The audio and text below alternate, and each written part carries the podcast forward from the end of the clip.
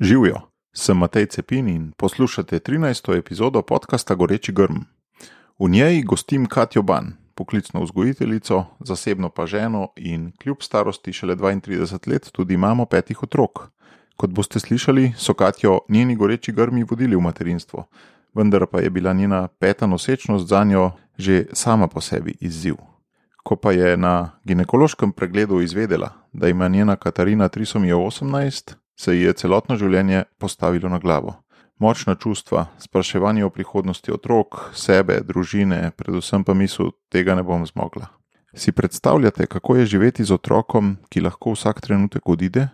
In si predstavljate, kako te spremeni, ko takšnega otroka zares notranje sprejmeš kot goreči grm, kako drugačen oziroma drugačna postaneš? Pandemija v zadnjem letu nas je vse postavila v zelo negotove položaje. Na nek način se vse trese. Zato me je Katina šola, kako upravljati z negotovostmi, veliko naučila. Za konec naj povem še, da goreči grm dobiva tudi nove podobe. Nismo še daleč, a v pogovorih z vami ugotavljam, s čim se soočate in kako vas lahko pri tem podprem. Bi povedali svoje mnenje? Se beremo na Matej, afna socialna-akademija.si. Pa gremo kar v akcijo. Že veš, kaj je tvoj edinstven prispevek k boljšemu svetu in kako ga udejaniti? V podkastu Goreči grm razkrivamo močne zgodbe tistih, ki že živijo svoje poslanstvo, zato da lahko ti najdeš navdih, prepoznaš svoje goreče grme in pogumno stopiš na novo pot. Živijo, Katja. Živijo, Matej. Tri besede, ki me spominjajo na te, so otroci, mladost, pa fotoaparat. Otroci zato, ker si jim profesionalno in družinsko skozi obdana z njimi, kot vzgojiteljica, kot mama. Mladost zato, ker sem te vedno občudoval, že ko sem te prvič videl, si bila po mojem celo še najstnica, pa si bila že tik pred poroko skoraj. Fotoaparat pa zato, ker ga tudi velikrat nosiš in ker predstavlja to, da si stvari ogleduješ, da jih spremljaš skozi različne oči, da, da imaš rada lepoto. Ampak daj ti povej, kdo si, predvsem katere so tvoje vloge?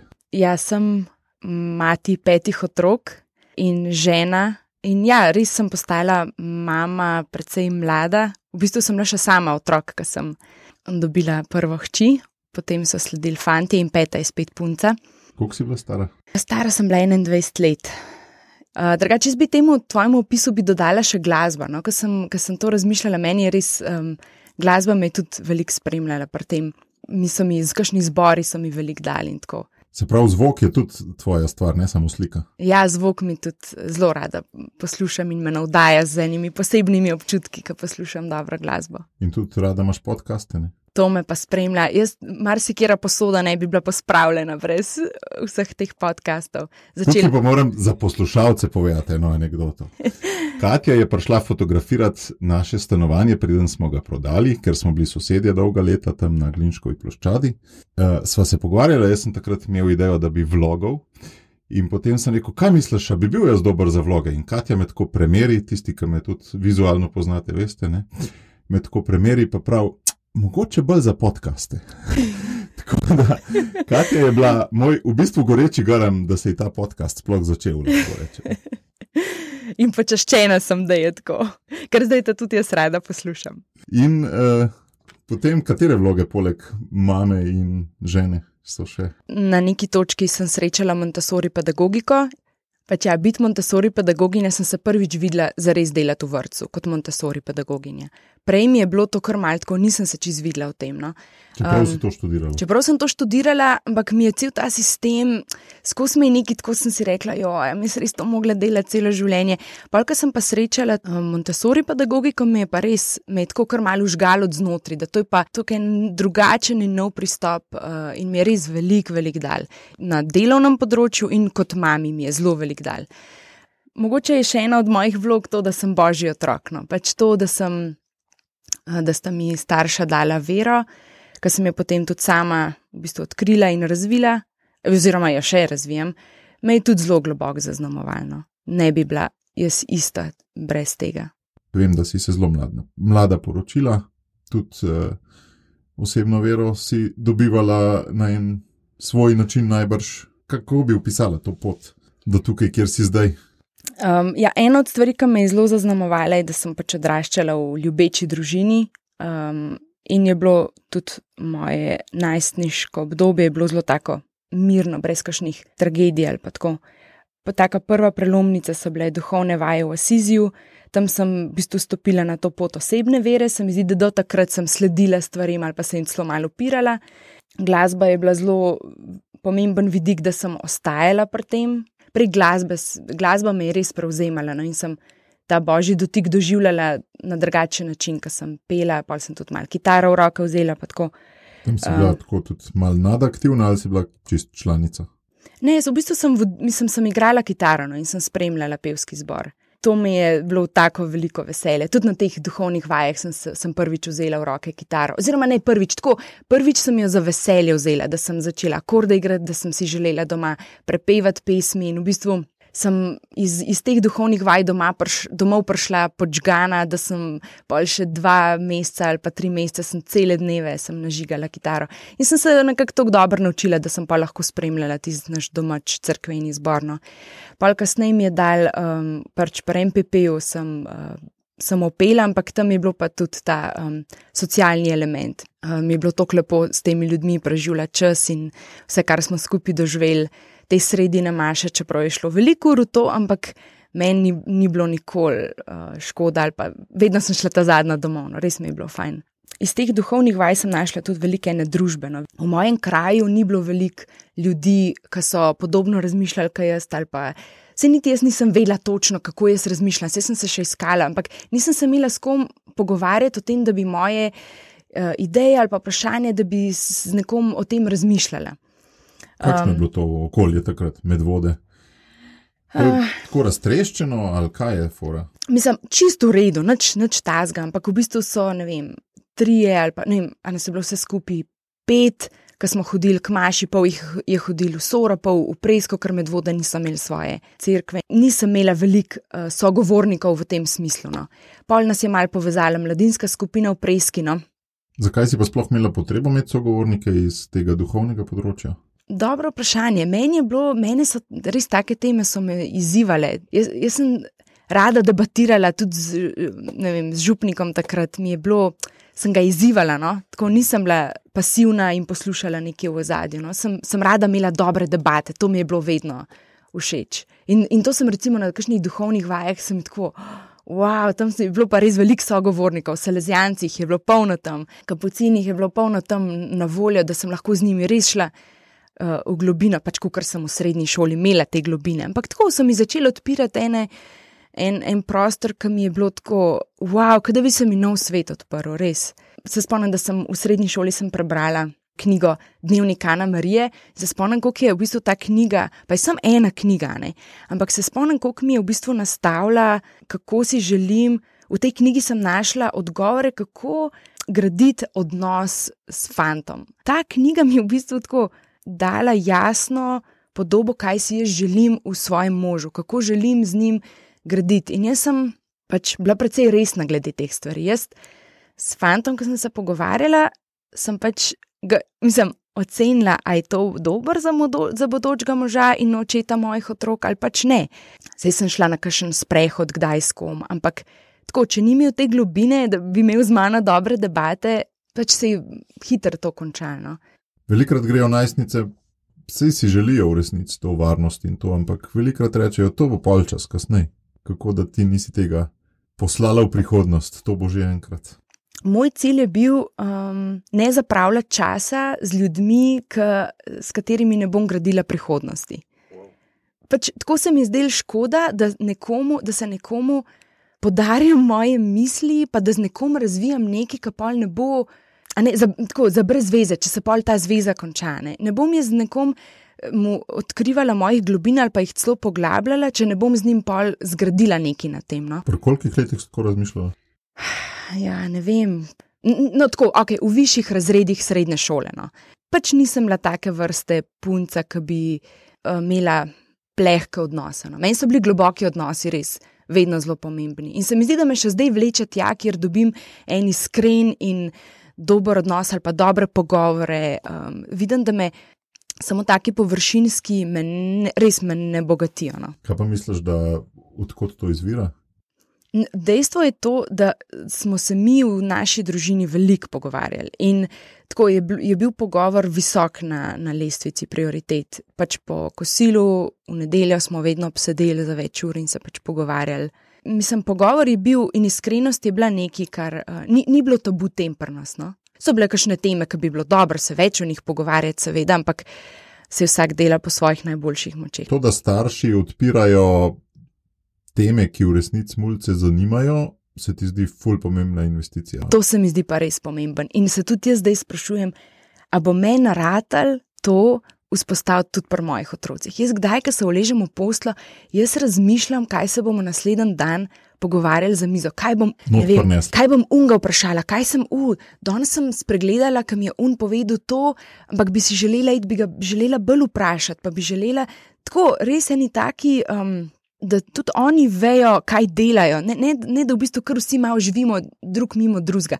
Po eni strani je to tako, kar malo breme in se tako kdaj vprašam, zakaj ne morem biti bolj tako lahkotno okrog tega, pa bolj tako, maja, pa naj se zapre v sobo za ne in dve uri, pa naj se tam mule. Pač, ne vem, jaz um, ne sprejmem tega.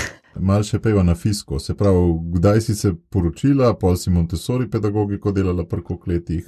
V bistvu sem skupaj s faksom delala Montessori pedagogiko. K temu me je spodbudila mami, tako je rekla, da mi da podporo in finančno in tako, da se ji zdi fajn, da dobim, dobim dodatno znanje. No. V mislim, drugim, drugem letniku sem spoznala Klemna, pa se je ta pot mal prepletala in na neki točki sva prišla skupaj in v letu pa pol sva se potem poročila. Se mi zdi, da sva se oba najdla tako, da sva vedela, da delava stvari za res. Um, jaz nisem, kar si me prej vprašal, če sem od vsega začetka vedela, da se želim mlada poročiti. Ja, ampak nisem si tako želela in delala na tem, da se bom čim prej poročila. Nisem pa imela problema s to mislijo, da bi se mlada poročila. Pač, ko smo se s Klemnom veliko pogovarjali, mi je bilo všeč, da je tako resen in da tako da res ne vzema najno odnos. No. Uh, in ker smo bila oba na isti valovni dolžini, glede tega, najne vrednote so se poklopile, imela sva res fajn pogovore. Um, tako se mi zdi, da je bil lih prav različen od mene, uh, da me je dopolnjeval v tistih stvarih, ki so meni mogoče manjkale. Uh, tako da sem res ob njem najdla en tak, tako varno zavetje, en tak stebr. Ene podobnosti so bile tudi z mojim bratom in z mojim očetom, in sem rekla, to pa mora biti ta prava stvar. Pol. A naj sem imela pač neke moške like v mojem življenju, ki so mi bili lahko za zgled in ki sem si želela jim iskati pač podobnega moža in sem vedela, da to ne bo slaba izbira. Pa. Potem pa otroci, drug za drugim, polčas si bila itak na porodniških eh, v zadnjih desetih letih. Potem pa v bistvu ta zgodba, ki je povod za tvoje današnje pričevanje, je pa rojstvo Katarine, tvoje pete hčerke. Prvi pregled pri ginekologini, ta balorang pregled, Uh mhm. -huh. Kaj se je takrat zgodilo, pa kako je bilo to potem naprej? Se pravi, ja, otroci so prihajali tako v enem takem dvoletnem zaporedju, drug za drugim. Moje nosečnosti so bile res lepe in neproblematične, tudi moje zanositve so bile zelo neproblematične in hitre. In tako je bil to res, ni bila lih stvar, o kateri bi veliko razmišljala, oziroma tako sem se zelo, sem se prepuščala božji volji, da pač, da je že prav tako, kot je je pa resno, da po četrtem otroku so tako, so rekla, ok, peti, ja, ne še, ampak tako, da je Bog malo ustal konje. Mislim, tako, vse smo imeli stvari mi dva v svojih rokah, ampak lih tok smo dajali pa prostor Bogu, no, da so rekli, le, nismo mi dva pač gospodarjane, da je vse en ti tlele mal. In v bistvu je res, pol sem kar hiter zanosila in mi je bilo tako skoraj mal, tako težko sprejeti to čist. Um, nosečnost od vsega začetka. Ne? In tako zanimivo, da še takrat sem, um, me je bilo malo tako, mi je bilo hudo to povedati v službi, ker sem rekla, jo pa me spet en let ne bo, ker delam v takem mehkem kolektivu. In mi je bilo težko, ker sem vedela, da če v mehkem kolektivu nekdo manjka, se to zelo pozna. In sem čutila tako to odgovornost do teh ljudi, ki jih vem, da jih bom spet pustila. Ne? Sem mogla tudi sprejeti to, da pet je že kar velika številka, sprašvala sem se, bom zmogla dati. Tako, a bom to zmogla, no? prve tedne sem to sprejela in sem rekla, ok, pač mislim tako malo grdo, se nimam izbire, ampak tako, le sprejemam s polnimi rokami in zaupam, da bo ok. In pa pride prvi, ne prvi pregled, drugi ali tretji, vidi ginekologinja zelo veliko nuhalno svetlino. Ne? tako je bila tako očitna ta nuhalna svetlina, da je že njen mok povedal marsikaj. No. Je tako, sem videla, da je zelo očitno nekaj narobe. Um, ni bila tako mečkam povečana, ampak jo je videla čisto na navadnem ultrazvoku. Tako, to je tako, da bi me predstavil ven iz mojega telesa, tako da ne bi čisto več vedela, tako, ko, kdo sem jaz, tako, a to, to se ne more meni dogajati, to, to, to je čist, to, to, to se ne dogaja meni zdaj to se bom jutri razbudila, pa bo čist neki. Ampak tako, moje telo se je začelo kratko tresti. Jaz sploh um, nisem mogla dojeti, no, res. To je, to je težko opisati, kako to telo močno doživlja. No? In psihično sploh nisem mogla čist dojeti te velike informacije. Pa sem šla takoj pač na nuhalno svetlino, ki je želela, da pač to potrdi nekdo, ki se res zna take stvari pogledati. Tam je v bistvu že takoj rekla, da ja, je to res. Jaz, glede na to, kako drži rakce, pa to sumam, da je trisomija 18, je pač zelo velika umrljivost, redko kdo sploh donosi otroka do konca, če pa že je pa nekako zelo kratka življenjska doba, ker je veliko enih zapletov ne? in pa vsak mu gre mal drugače. Vi niste nič krivi, lahko se odločite, kar se želite. Tako nekako so šle njene besede. Ne? In jaz pač na uni mizi, ki sem jo poslušala, sem pač nočem, da bi bilo to res in želim si, da bi se končal, ampak jaz ne morem tega končati. Tako, ne, ne, jaz sem pač pomislila na to, da bi jaz lahko, a ne, jaz nisem mogla sprejeti tega, da moj otrok ni zdrav. Jaz, jaz nisem hotla, jaz, tako, jaz nisem. Nisem bila tako, ok, ja, sej bomo nekako. Ne, jaz sem hotela, da se to konča. Ne. Ampak ob misli, da bi pa dejansko naredila nekaj tajnega, se mi je pa uprl vse v mojem telesu. Tako, ne, tega pa jaz pač ne morem. In... Dve poti pa za nobeno ne veš, ja. kako bo. Ja, točno to. Takrat sem pa prišla domov in. Nobeni nisi kos, v bistvu. Ne, nobeni nisem lahko. In, in jaz pa res sama sebe nimam za nekoga, ki bi tako sprejela, ki bi vedela zase, jaz bom pa to zmogla, ali pa se jaz imam pa itak rada otroke, uh, a ne, bom pa tudi ta zga. Tako, jaz v tistem trenutku nisem sama sebe dojemala, da bom to zmogla. Um, Ker sem prišla domov, mi je bilo uh, tako veliko oporo, mi je bil Klemen. No. On je bil zelo tak, sicer on je takoj šel gledati statistiko, zelo tehnično se je tega lotil. Uh, jaz enkrat nisem pogooglala, kaj pomeni 318. Jaz sem pač mal mi je Klemen tako povedal. Ampak jaz nisem želela videti ne slik, ne noč. Jaz sem pač rekla, ok, to je pač moja pot in se bo odvijala tako, kot se pač bo. In ne želim se ali strašiti ali razmišljati preveč o tem, kako bo in kaj vse bi se lahko zgodilo. Sva pa v tistem dnevu sva pa poklicala duhovnika in sva prejela. In sem jaz prejela bolniško maziljenje, v bistvu isti dan se je to vse zgodilo. In tako se spomnim tistega občutka, da sem takrat res tako rekla, ok, jaz nimam moči, da bom jaz to sama nosila, jaz se izročam tebi v roke, v tvoje naročje, da me neseš in me potolažeš, ker uh, jaz sama tega ne morem sprejeti. Katja, kot človek, jaz to zavračam.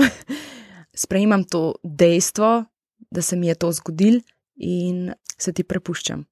To je bila prav ena milost tega zakramenta, res tak, en tak mir sem začutila. Um, Jaz sem pa takrat tudi napisala en mail skupini mamic, s katerimi smo se začele dobivati od mojega prve nenosečnosti rojstva. No. In smo bile tako povezane mame, ki nas je združevalo velikega druženja v času. Skozi vse moje nosečnosti in smo velikega lepega preživeli skupaj, in je bila ena globlja povezanost z njimi. In sem jih takrat sem napisala, um, kaj se mi je zgodilo, in jih prosila za molitveno podporo. In iz tam se je pol razširila, in sem pol tudi sama pač napisala nekaj več o tem na širšo mailing listo večjega števila mamic, kjer je ne vem, 500 plus mamic. In sem pol tam tudi prosila za molitev. Lep občutek je, ko veš, da veliko ljudi za tebe moli. Tako se nisem sama v tem. Veliko ljudi navija za me, v bistvu mi želi in moli za me, da bo. Tako, če se pa zdaj ne bo zgodila tako božja volja, tako kaj je res za me najboljš, res sem zaupala, da bo najboljšno. Zmolili smo še molit, tole devetdnevnico Božjega usmiljenja, kjer je res molitev usmerjena v to, če je Božja volja, se bo zdaj zgodil čudež, mislim, se bo zgodil čudež, kar prosimo, če ne, je tudi to potane. In jaz sem to mogla sprejeti, da ni nujno, da je zdaj čudež edina potane, da zdaj pa mora biti ozdravljenje. Jaz sem si želela in sem mogla sprejeti to, da karkoli bo, tudi če bom mogla živeti z otrokom s posebnimi potrebami, bo to za me najboljš. Tudi če mi to v tem trenutku ni všeč, ni všeč ta ideja, tudi če se mi zdi, da je to veliko težja pot, vem, da je to prava pot za me. No. Tekom nosečnosti sem jaz skozi prepletal to zaupanje s tem, da sem potihem sem rekla, se je tako grozen, kaj izgovorim na glas, ampak sej. Če zdaj umre, se sem ga še vedno sprejela in mogoče me bo pa najmanj bolel, če zdaj umre v trebuhu, ki ga še ne poznam, pa v bistvu smo pol nekako, a ne lahko živimo naprej s našo pot, tako kot smo prej živela. Ne? To so se mi prepletale misli od tega, od te skrajnosti do druge skrajnosti, da sem res se čist prepustila um, tej zgodbi, ne glede na to, kakšen bo izitane. In mi je bilo tudi tako, sem nekako tudi rekla ljudem, ni treba moliti nujno, mislim, ne začudež mol, da je tam mol, da bomo mi zmogli, karkoli že bo se zgodilo, da bomo mi zmogli to sprejetno in da bo to obrodile ene sadove, ki pa mi ne vemo, kakšni so. Da mi ti povej tole, lej, korona je šok, ki smo ga vsi doživeli. Ja. Kako ta šok primerjaš s korono, kjer je bil večji, kjer je bil manjši, kakšne razlike med njima? Ob koroni sem doživljala eno tako zanimivo, zanimivo občutek, ki sem rekla, Vse to pa že znam. To negotovost pa jaz že znam. To, to mi je pa blizu in to pa, to pa piece of cake zdaj le za me. Res. res. In mi tako ni, res mi ni bilo težko. Um, spet sem se mal tako prepustila in sem rekla, lej, če bomo pa doma, bomo doma dlje časa. Ni, ni me bilo strah, kaj stvem, da, da bo pa zdaj. Se kaj slabega, da bomo pa zdaj zboleli. Tako, tudi, tudi zaradi Katarine. Katarina spada med rizične skupine, zato ker ima bolj šipka pljuča in je tudi domov s porodnišnici šla s kisikom, sicer zdaj je brez, ampak tako spada med rizične skupine. Ampak tudi takrat, ko se je začela korona, to je bilo ravno po tem zimskem obdobju. In jaz sem se pač odločila, da mene ne bo strah, da bo Katarina zbolela vsakič, ko jo bo otrok s mrkavim nosom paril v roke. Meni je bilo bolj vredno to, da jo prime, da jo pocrkla, da ji da lupčka, pa pa, a ne. Vse si grejo mi troke, ki pridejo domov. Ampak mi je bilo Tako sem si rekla, Bog, če si mi jo dal na svet, pa pa še ti poskrb za njo, da bo zdrava kukar in da bo na tem svetu to, kar ji je namenjen. Če pa ji namenjen ta prehlad, ki ga bo zdaj dobila od brata, je pa to tisti prehlad. Meni se zdi tako, da je amplituda tega šoka različna zaradi trajnosti. Ne? Ker če dobiš tazga otroka v roke, imaš cel življenje, tako se mi zdi pod vprašanjem. Pa ne veš, kaj bo pol, kaj bo odrastel, če bo odrastel, pa tako naprej. Tako se mi zdi, da je ročnost tega šoka ful večja. Ker pri koroni smo vse mislili, je 14 dni, en mesec, zdaj mislimo mogoče 3-4 leta. Ne -hmm. vem, ne? Je vseeno večja ročnost pri pr tem, aj to vpliva kaj. Pri Katarini sem na tak način preživela, da sem gledala vsak dan posebej, oziroma ne preveč vnaprej. Tako, se delaš ene načrte vnaprej, ampak ne jih ne zacementiraš nekam. Tako, niso ti tako, oh, zdaj, pa, zdaj bomo pa to, zdaj bomo pa uno, čez, pa čez dve leti bomo. Ampak v bistvu bolj tako na dnevni bazi, da, da se imamo fajn, da se imamo radi, da, imamo, da se pogovarjamo in da iz dneva v dan, da se imamo v redu. Ker jaz še vedno zdaj, če pomislim. Kaj bo s Katarino, me tako, uh, me kar mal dol pritisne, je velike ene negotovosti. In pri koroni se mi zdi, da je ravno to bilo uničujoče, ker so eni mislili, da bo po 14 dneh konc ali pa po dveh mesecih in so se natemperali na tiste dva meseca, in ker ni bilo konc, niso imeli več, več kje iz kje črpati. Sej tudi jaz sem si želela, da bi bilo po dveh mesecih konc, bi si želela, da pač nas ne bi to tako močno zaznamoval, ampak jaz nekako sem, nisem gledala več kaj en teden naprej. Ok, ta teden smo še doma, recimo, da računamo, da bomo drug teden tudi še doma. A pa ti drugač dolgoročno načrtovanje ceniš, pa je bila to obrambna drža, ali se ti to zdaj zdi prav v vsaki situaciji? Mislim, jaz načrtovanje zelo visok cenim. Jaz vsako leto naredim drugače, a ne tako moj plan, tako kaj, kakšna si želim biti, kakšna. Tako, bolj, bolj to je, kak, kakšen človek si želim biti in kaj si želim postati. Vse tudi to, kaj se želim naučiti, kaj si želim um, doživeti. Ja, ampak um, bolj tako kot ene usmeritve, kot ene smernice, da vem, kaj delati vsak dan, zato da mogoče nekega dne je to pol posledica. Ne, da imam preveč nek cilj v ospredju v mojih mislih. Aha, tako da ti puščaš še zmeraj ta vsakodnevni ne, ples. Tako, točno to. Delaš, Ampak meni Ampak je... je to, kaj vpliva zdaj le, Katarina? A na to, da sem dnevno. Uh... A si še zmeraj tudi po Katarini delala take načrte letne? Kaj hočeš biti, doživeti, pa to, ali si to nehala zdaj delati s Katarino? Ne, jaz sem to vs vsako leto imam pač en tak zvezek, v katerega napišem moj najprej polletni plan, pa pa nekak celoletni plan. S tem, da se je Katarina rodila, je zgledal malo drugačen. Je zelo velik stvari, mi je bilo, sem videla, da mi je bilo malo težko zapisati. Se mi zdi, da sem mogla malo stvari odželvati. No? 1. januar, ki je bila Katarina stara tri mesece, mi je bilo najtežje, zato ker nisem še sprejela tega, da lahko Katarina, ne vem, čez dva meseca umre ali pa čez pol leta ali pa jutr. In res nisem vedela, na, na, na kire temelje ne zdaj jaz postavim moje načrte. In v bistvu sem šla pa čist na take, da se bomo imeli lepo, da se bomo vsak dan mal pohecali. V bistvu sem si zastavila polletni načrt, ki je temeljil na dnevnih rutinah. In to mi je nekako dal eno um, tako bilko opore, da sem vedela, kje stvari meni vsak dan, pač molitev je tudi ena izmed njih, ne, mi pomagajo se nastaviti, naštelati. In če bo vsak dan lep, bo tudi celih pol leta ali pa cel let bo dobro izpadlo. Ja, peva, mogoče vse malo nazaj na številke. Kako je zdaj Katarina stara, kako je zdaj z njo, v kakšni situaciji se, se sploh zdaj? Katarina se je rodila 18 uh, eh, dni čez rok, v bistvu nosečnost je potekala precej. Polka sem isto enkrat sprejela, smo se imeli, mi smo se imeli lepo. No. Tako, jaz sem nekako odložila to breme, kaj vse bo in kaj vse se lahko zgodi. In sem nekako iz dneva v dan smo se imeli v redu. In tako lepo mi je bilo, ko smo se veliko z otroki o tem pogovarjali, veliko enih. Pogovorov je bilo tudi tako o smrti, o tem, kaj je namen življenja Katarine in tako zelo tako fajn, fajn pogovor smo imeli v družini. Smo videli tiste dolgourne družinske ja. pogovore, ki so bile tvoje goreči garam iz tvoje družine. ja. ja. Ampak je pa tistih 18 dni bilo pa mal dolgih, no? ker sem videla, da za otroke je bilo to tako mal breme, ki so ga, ga prej ni, ni noben zelo čutil, tistih 18 dni je bilo pa. Predvsem zato, ker so vsi jih sprašvali, aj že rodila, aj že rodila mami. En od mojih otrok je kar rdeč prihajal iz šole in je hodil v šolo, kar mal tako rdeč, ker je, ker je bil pod takim pritiskom, kaj se bo zdaj zgodilo. Čeprav se mi zdi, da sem jaz bila mirna in vsi smo tako z enim takim mirom pričakovali rojstvo. No. Pol je še en zunanji obrat, smo naredili, ker se je Katarina obrnila na rito in tako je bilo vse sorte tistih 18 dni. No. In na koncu so mi sprožili parod. No.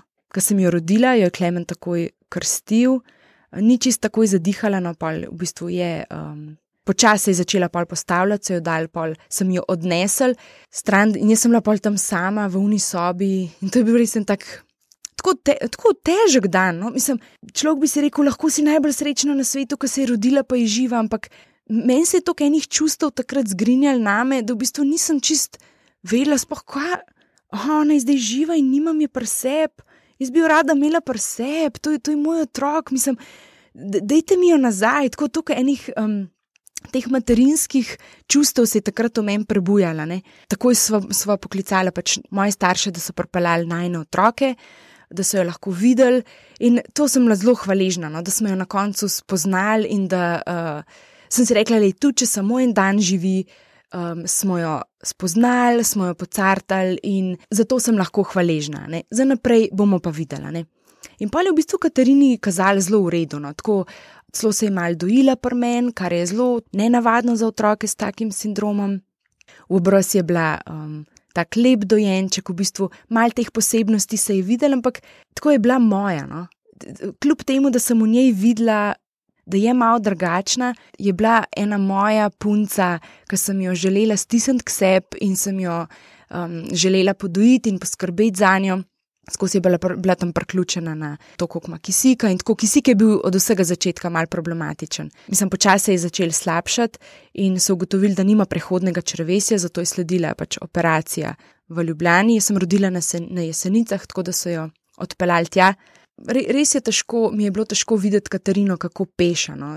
Sem si rekla, da je to lahko zdaj konca. Ne? In ko se je odpeljal stran v unikomori, ki je bila tako nemočna in tako šipka tam noter, res, sem res imela občutek, da se mi srce trga na pol, ko sem jo odpeljal stran.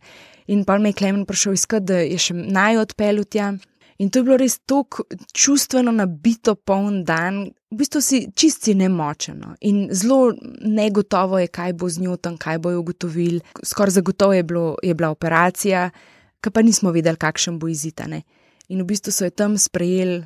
Tako je kar malo ganljivo videti, kako v bistvu v pol ure, ko so ugotovili, kaj na robe, so bili oni pripravljeni in so jo tam, mi da so jo pospremljali tja do operacijske. In to je ganljiv trenutek, ki ti izročiš svojega otroka, ki vidiš, da komi dihaš, da je čist bogi in švah, ga izročiš v roke enim neznancem, ki jo z nasmehom pospremijo in so ji pripravljeni na ment. Ne, dve, tri ure, kako je pač že trajala operacija, zato da so, da so pač ugotovili, kaj je narobe in pač poštili. Še fulih je bilo, ne? Fulih je bilo, ne, nekaj desetih je tam stal, ki smo mi dva v bistvu jo ne, zapeljala v tisti posteljci noter. In to je tako velik ene, enega joka, no, tako ene, ene stiske, ene. Tako, ne vem, kaj bi takrat brez klemna. No? Ker sem v bistvu tam, se spomnim, si, sem si mislila, da tri dni po porodu jaz le hodim po Ljubljani, pa, gre, pa hodva od avta pa do pediatrične. Pa tako, no. Ampak res so lepo poskrbeli za njo. No. Mi, da so šla pa takrat domov, mi je bilo tudi lepo mal biti z mojimi otroki, so mi mal pomagali pozabiti to, da da sem v bistvu lih rodila in da nimam mojega otroka pri sebi. Tako smo se, se spomnili, smo sedeli na kavču in smo se stiskali in bili hvaležni, da imamo drug drugega in da pogrešamo Katarino. In tako res je bilo to eno tako zelo milostno obdobje. No. Pa se je izkazalo, da ima Katarina v bistvu zelo tak manjši zaplet, da so ji samo pač predrli neko prepreko v črvesju in v bistvu lahko zdaj normalno odvaja blato. Ampak je pa to pomenil dva meseca, ne, ne, en mesec, mislim, da so bili vse skupaj na pediatrični, en teden pa pol na intenzivni. Um, pa sem se pa jaz tja k njej pres, preselila in, pres, in spala tam pri njej, bila v bistvu cele dneve pri njej. In to je bilo tako, ona je takrat zelo nazadvala v teži, dobila je v bistvu celko uh, v, no, v usta, po kateri jo, so jo začeli pa počasi, počasi hraniti, uh, je, dobila je kisik in ni izgledal dobro s tem, kako diha. No. Tako v bistvu je bila zelo švah in se je zelo, zelo počasi postavljala na noge. Naporno je bilo tisto obdobje, vsak dan sva se vozila tja. Se spomnim, sem enkrat so, so celo dovolili, da so mečkam prišli sorojenci pokukati in, na intenzivno. In so tako, v bistvu so se izmenjavali s klemnom. In sem jaz čakala v kombiju, v dežju, tisti tist november je to klil, da ne vem, če je že kakšen november tako dežval. Um, in sem, se prav spomnim, da sem pisala mail mojim tem mamicam in tako. Ker sem imela občutek, da ne zmorem več, no? tako, da, da sem preveč utrujena, čustveno, psihično, uh, da mi je to pretežko, da, da ne morem iz tega nositi več. In zanimivo mi je, ker nikoli strožnega venca prej nisem, ni mi bil um, blizu. No? In ker eno tako stvar doživiš, tudi rožni venc sem tako mal drugače začela doživljati, ker tam veliko govori o, a ne sploh žalostni del, ki je trpel. Ne, mam, Marija eh, je rekla da in je sprejela to nosečnost. Tukaj enih um, usporednic sem, sem videla in z Marijo, ki je sprejela to, pa ni vedela, kaj čaka, veliko ene negotovosti je imela, ki je bilo meni težko, uh, se mi je zdelo, da ne zmorem več. Ne, je konec koncev tudi Jezus je, pa, Jezus je padel pod križem in on je prosil, da gre ta kelih mimo njega. In, še vedno je na koncu zaključil, ne moja, ampak tvoja volja naj se zgodi. In to je bilo meni res eno tako zagotovilo, da bo vse ok. Tudi če mi je zdaj težko, mi je bilo veliko oporo, da sem čutila eno podporo drugih mamic. To je res tak neopisljiv občutek, ki sem imela nekomu napisati. Težko mi je, da te prosim, mol za me, ker se mi zdi, da ne morem več. In val podpore, ki jo dobiš nazaj, te res postavi na noge ker sem začutila, da so z mano, da me podpirajo, tudi neverne so mi pa pošiljale, so mi pa držale pesti za me. Pa. In tako sem bila enak za to hvaležna, kot pa za molitve, no, tako hočem reči. To je mi ta investicija v ta krok mamic. Si jo prej razumela, da se ti bo tako kdaj utegnila povrniti, eh, kako doživljaš to, da imamo še odnose poleg službe pa familije? Seveda nisem vedela, kakšna velika opora je to lahko. To, to lahko to verjameš šele pol, ko to doživiš. No. Ta podpora, ki si ti sprejet, tako kot si in da lahko deliš z nekom vse v bistvu in pomisleke in strahove in bolečine, to je nekaj nenadomestljivega. Ne no. Kaj ti je to lahko dal, kar, kar ti družina ne bi mogla? se pravi, Klemen je bil v istem kot jaz. ne. In v tistem trenutku sem videla, da morava nekako malo vsak po svoje, kakšne stvari tudi prežvečati a ne, in, in pre, predelati.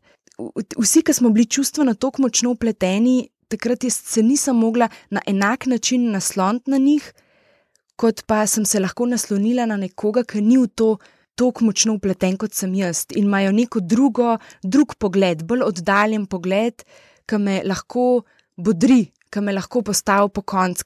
V bistvu ne moreš plezati po še eni mehki taki osebi, Ja. ki je tudi takrat čist uh, Ja. ranjena. ne. Ja, Plezaš lahko po enih malj bolj trdih, ker niso tako notne. tako. Pa v bistvu mi je bil Klemen kot opora zelo dragocen, ne? ampak res ni isto, se mi zdi, da tudi ženske. Prav konkretno pač povezava teh mam, a ne, Klemen ni mama, on ne more vedeti, kaj jaz doživljam. In moja mama je bila skoraj v istem, kaj jaz, če ni še celo malo bolj trpela, kaj jaz. Ena mama, ki ima pa lihtko otroke in me pozna, se mi pa zdi, da lahko me toliko razume na enem takem nivoju, ki me noben drug ne more razumeti.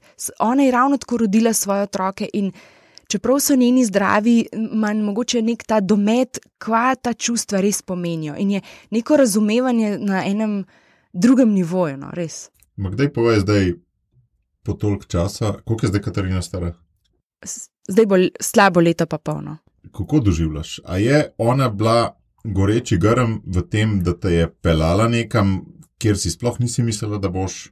A je to nekaj lepega, kamor te je peljala, ali je to še zmer nekaj težkega? Ej, zdaj lahko iskreno rečem, da je to nekaj res lepega, kar se nam je zgodilo. Evo, nisem si mislila, da bom to lahko kdaj rekla, res. Že Da- po toliko mal časa v resnici. Ne? Mislim, po toliko mal časa. Ali pa ne, jaz ne vem, jaz občudujem, se mi zdi, da ene mame lahko res sprejmejo otroka s posebnimi potrebami. Tako se mi zdi, da sem jaz kar dolgo pot hodila, da sem lahko to res sprejela v polnosti. Ker zanimivo je, kako sem jaz dvojno doživljala tiste občutke, ki se je ona rodila.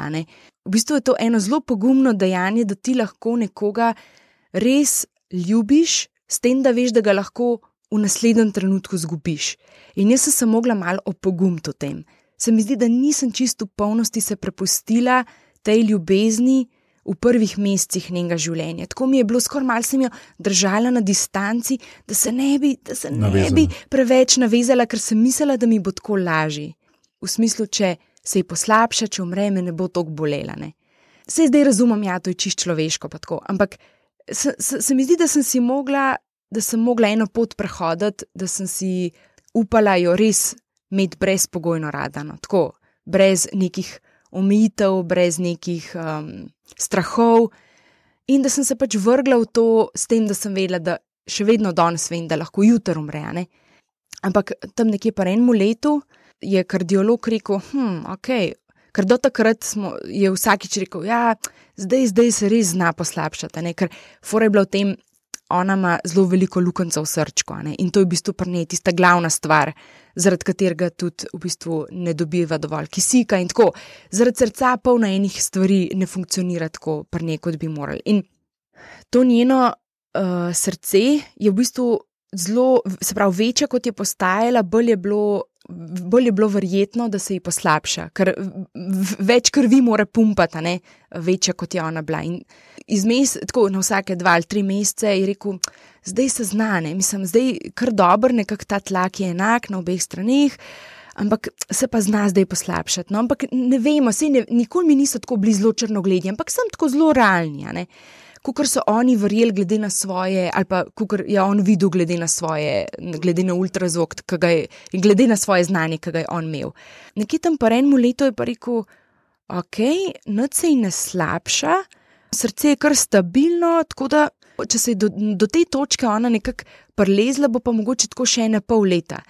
In takrat sem jaz čutila, da sem odložila eno breme, ni mi treba razmišljati zdaj iz danes na jutr, ampak se lahko malo sprostim v tem. In takrat sem tudi sprejela, da me v službi ne pričakujejo, da pridem jutr nazaj.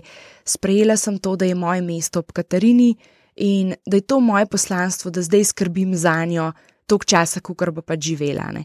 Še vedno je njena življenjska doba, v bistvu daljša kot od um, veliko otrok s tako diagnozo, ampak um, ne, obeti so še vedno slabe. Ampak zanimivo mi je, tako, da mi to ni več v breme zdaj. Zdaj mi je to tako, res sprejemam, tako kot je. In smo se navadili živeti z enimi posebnostmi, ki jih Katarina ima, se pravi, um, ona se hrani pač po celki, uh, zdaj ima skozi nos celko.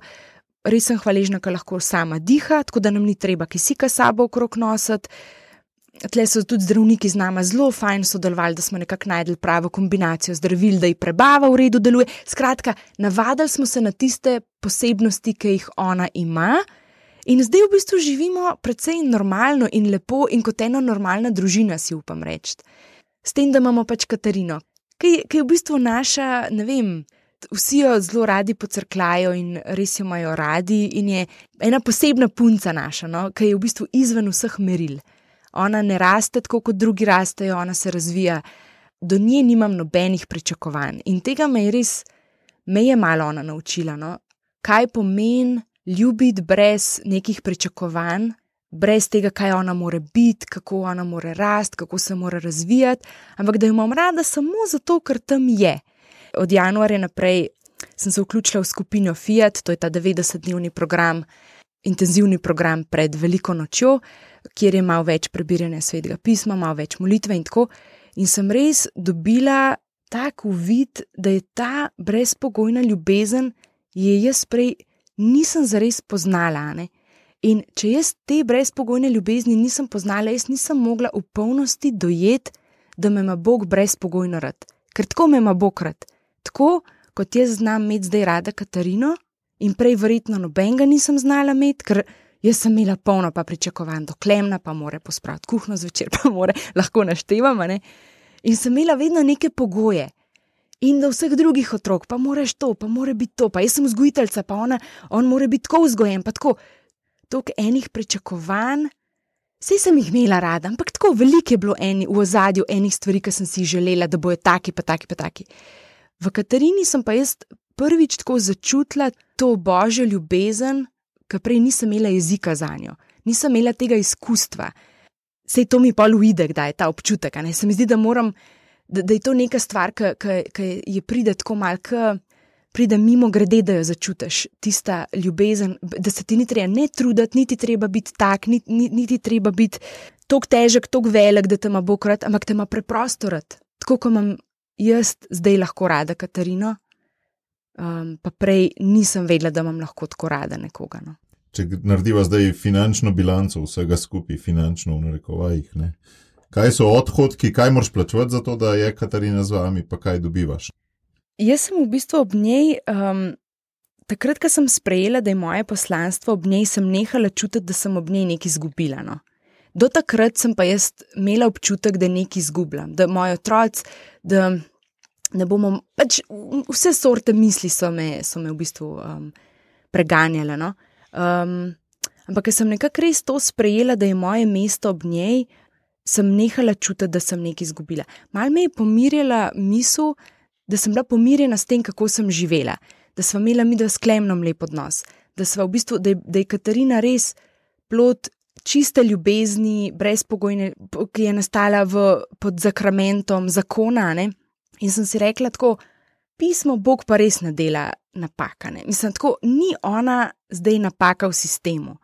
Če je kdo vdahnil življenje, je bil to Bog in on se ni zmotil pri tem, on je vedel, da hoče njo narediti. Ena zdravnica je rekla: Ja, kdaj se nam taki otroci izmuznejo?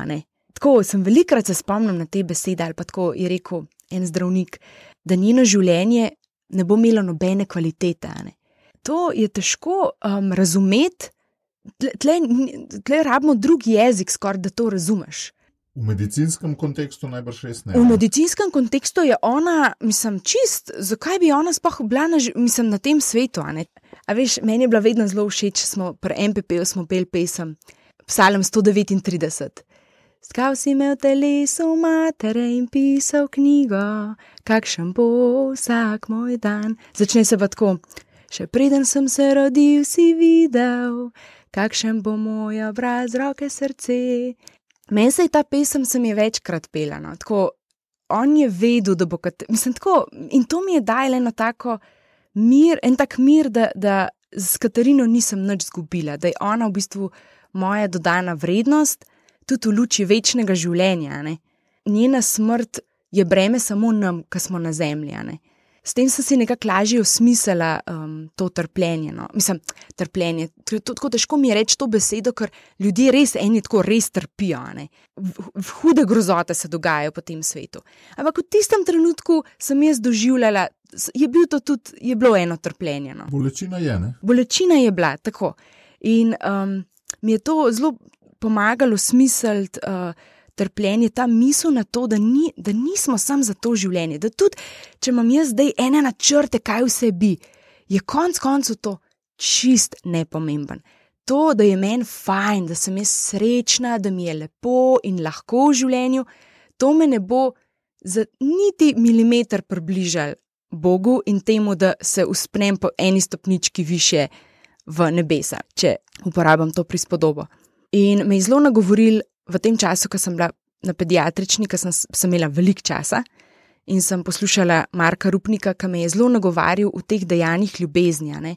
Naša dejanja, ki so narejena iz ljubezni, te, presta, te predstavljajo v večnost. ne. In sem si rekla, le, če jaz zdaj sedim tle ob Katarini in skrbim za njo in delam to iz ljubezni, ne iz ene muke ali pa ne iz ene, joj, pa, pa kva mi je tega treba, tako.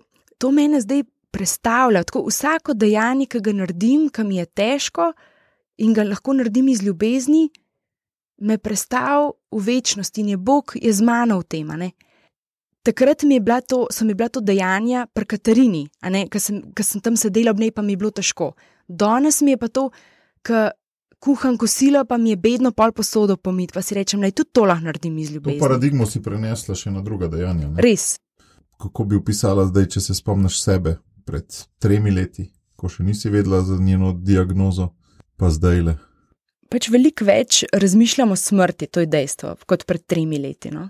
Tako eh, se mi zdi, da pred, um, jaz pred tremi leti si nisem upala tako zelo razmišljati o smrti, sem se je malo izogibala, me je bilo strah tega, kar gre skupaj s tem, da me je bilo strah v bistvu kjerkoli preizkušnje. Se mi zdel, tako Bog sem, v bistvu sem molila za to.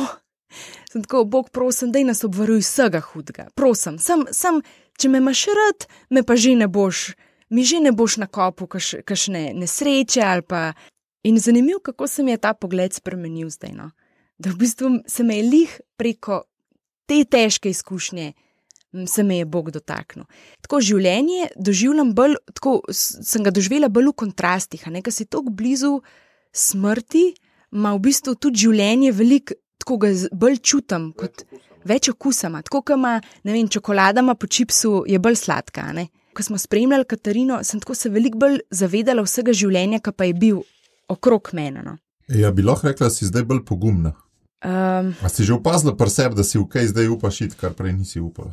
Mislim, definitivno si nisem mislila, da sem zmožna, da sem zmožna to preživeti. No. Sem, če bi me to vprašal pred tremi leti, bi si mislila, ne, če se mi bo to zgodilo, bom jaz kar umrla. Mislim, tako, to jaz nam zmogla. Sam si tako rečem pismo, se zato pa hodimo k maš in gledamo tam in dajemo na oltar in gledamo to darovanje, vsako nedeljo vadimo, kako bomo mi, ki nas karkoli doleti, kako bomo znali v bistvu to narediti pol z gospodom. Sej ti lahko lahko pre, preživiš eno preizkušnjo brez Boga, ne. sam koliko pa ti se obogatiš ob tem, se mi pa zdi, si rečem, vse, vse uno iskanje, ki sem ga imela prej. Ker sem, brala, ker sem poslušala podcaste, a ne pa sem se duhovno, mislim, tako duhovno razmišljala, pa imela razne pogovore, pa so mi bili v izziv taka težka vprašanja. Je prišlo šele zdaj, tako zares sem lahko to začela živeti. Prej sem o tem govorila, zdaj sem pa mogla to, ajde, zdaj pa da vidimo, koliko koliko si ti kaj od tega odnesla. Zdaj pa to, da je v prakso. Pa na nek način se bomo vsi s tem soočali in si pač en del, tega, en del te šole že malo prej naredila. ne. Ja. A ne, koliko sem jaz pogumna. Jaz nisem kaj dost pogumna, sam zdaj vem, da nisem sama v tem. Zdaj imam bolj ta občutek, lej, tako on je res z mano in on mi pomaga, ljudje lahko molijo za te, to, to izkustvo je tudi nekaj, kar ga prej nisem imela. Da lahko drugi ljudje molijo za te in, in te tudi to opogumi in ti da moči. In to so ene milosti, jih o katerih lahko govoriš, ne moreš pa zares vedeti, o čem govoriš, dokler jih ne doživiš. Če bi bil en od poslušalcev, poslušalk, da se mu čez teden, mesec, leto zgodi kaj tasga, se mu bo svet sesul vsaj za nekaj časa, zdaj, ko ti gledaš za nazaj, a greš kamor hočeš, ali greš kamor nočeš. Jaz ne bi bila jaz, če ne bi delala stvari tako, da grem tja, kamor hočem. To sem zdaj tako zapletla, ampak če kakšen dan delam stvari tako, da, mi, da se mi zdi, da ne grejo v pravo smer, jih želim spremeniti. Res se mi zdi, da pri tem pomaga, da v bistvu delam malo tako, tak en examen ali pa refleksijo za nazaj, da vidim, ali sem zadovoljna s tem, tako, a, a, je, a se mi zdi, da, da sledim tudi božjemu klicu, a sledim temu, kakršna jaz želim biti, ali ne. In če ne, pa očitno moram nekaj spremeniti. Tako, meni je zelo v izziv taki uh, življenjski triki, kako si stvari olajšati. Tako vem tudi, da jaz kot sama, jaz nisem dovolj močna, da nam jedla čokolade, jaz je pač rajš ne kupam. Ne? To je en tak življenjski trik, ki si rečem, ja, lahko uh, si rečem, jaz nočem jesti čokolade, ali pa preprosto pač ne kupam, ne? in sploh te možnosti ni. In podobno je na drugih področjih v življenju. Če preveč časa preživim na socialnih omrežjih, pa pač moram razmisliti, da je to za zbrisati. Ali pa ne vem, ali sem jaz tak človek, da zmorem biti samo 15 minut gor, ali sem tak človek, da je bolj, da si izbrišem to stvar. Kar se pa tiče tako malce oddaljenega pogleda, če grem tja, kamor hočem, jaz sem pomirjena s tem, kako živimo in kakšne odločitve sem sprejela v preteklosti, in zato sem. Tako, tudi v molitvi jaz vem, da me Bog usmerja tja, kamor je prav, da grem. Kaj bi rekla zdaj v tej poti za nazaj? Si si kdaj predstavljala, da boš na tako lepi poti, na tako zanimivi poti, na tako težki poti? Mm, nisem si mislila, tako, um, jaz sem si mislila, da bo veliko težje. V bistvu, ko se spomnim, ko sem zvedla za recimo Katarinino diagnozo, sem si mislila res grozno. To, to je pa res nekaj groznega in nekaj, česar si pa nobeno v življenju ne želi, da se mu zgodi. Ampak zdaj, tako ko pogledam na dnevni bazi, nikoli ni bilo tako res grozno. Večina dni je res lepih in ko sem vzela vsak dan posebej, sem ga lahko nesla, no? ni bilo pretežko. Prav, še... prav na lepi poti, če jo po kosih jemliš. Res, meni, meni to me je zelo rašvalno, da sem. Uh, V bistvu, da sem tisti dan pač izročila Bogu in ga nekako vzela za svojega. Danes je Katarina živa, danes je Katarina v redu in danes se imamo lahko lepo in danes se lahko pogovarjamo. In danes se lahko opravičimo, če se kaj skregamo, in danes lahko plešemo. Za konec, hvala, ker si nam vsem zgled, kako handlati s to negotovostjo, ki jo je prinesla korona in vse druge stvari, ki se nam dogajajo v naših življenjih. Ali lahko sem še nekaj povem? Ta skupina mamic, ki sem jo že prej omenjala, ne? še vedno se dobivamo enkrat na mesec. In veliko ljudi, ki jih zame molil, me sprašujejo, kako smo zdaj, in sem jim še vedno tako mi je lepo slišati, kako se jih je ta zgodba dotaknila. Ne? Mi je to lepo in mi je lepo govoriti o Katarini. Ampak mi je pa tudi zelo dragoceno, da imam pa skupino ljudi, s katerimi pa lahko govorim tudi o drugih stvarih. Ker res nisem samo mama Katarini, ampak sem mama še s štirim drugim otrokom in sem tudi žena in sem ženska in me zanimajo tudi druga področja, in se želim tako tudi pogovarjati o drugih stvarih. In v tej skupini, ki me poznajo, ki so šli z mano čez to pot, je tudi prostor zdaj nastal za, za te stvari, da lahko v bistvu sem jaz spet, mislim, da sem normalna, mami, petim otrokom, ena ima posebne potrebe in živim lahko normalno in govorim lahko o tem, kaj sem skuhala včeraj za kosilo, in lahko govorim o tem, kjer se savc sem videla včeraj, pa mi je fulšeč, ali pa lahko govorim, kaj me je včeraj, kakšne bolj globoke stvari, kaj sva sklemno imela in ne vem, zanimivo debato. Ali pa tako, da, da sem še vedno jaz. En človek, ki si želim odkrivati naprej ene globine in se ne vrteti skozi okrog samo Katarine. Zdaj s tem nočem reči, da se nočemo Katarini pogovarjati. Jaz se rada vračam v to zgodbo, mi je tako, težko po eni strani iti vedno tako v globino, ker um, res dam celo sebe, ki grem nazaj v te občutke. In tudi rada ljudem odgovorim ne površinsko, če se le da in če je čas in kraj temu primeren. Ampak tako, lepo mi je biti obdana z ljudmi, ki me spremljajo naprej od tega. No? Ki te vidijo celo, ne? Ki me Ne vidijo, v eni ja. funkciji. Ja, ja. In so me poznali tudi pred Katarino, in me zdaj sprejemajo tako, kot sem, in so z mano na tej poti še naprej, v naslednjih preizkušnjah, ki se bodo. Komor, ki se bodo, še me, mislim, jaz sem še mlada, meni se še marsikaj lahko zgodi. In drugim tudi, ne, in smo skupaj na tej poti. In to je res zelo lep občutek. No. Ej, Okay, ja. hvala. Hvala res za to pričevanje. Hvala tebi, Matej. Fajn se je bilo s tabo pogovarjati.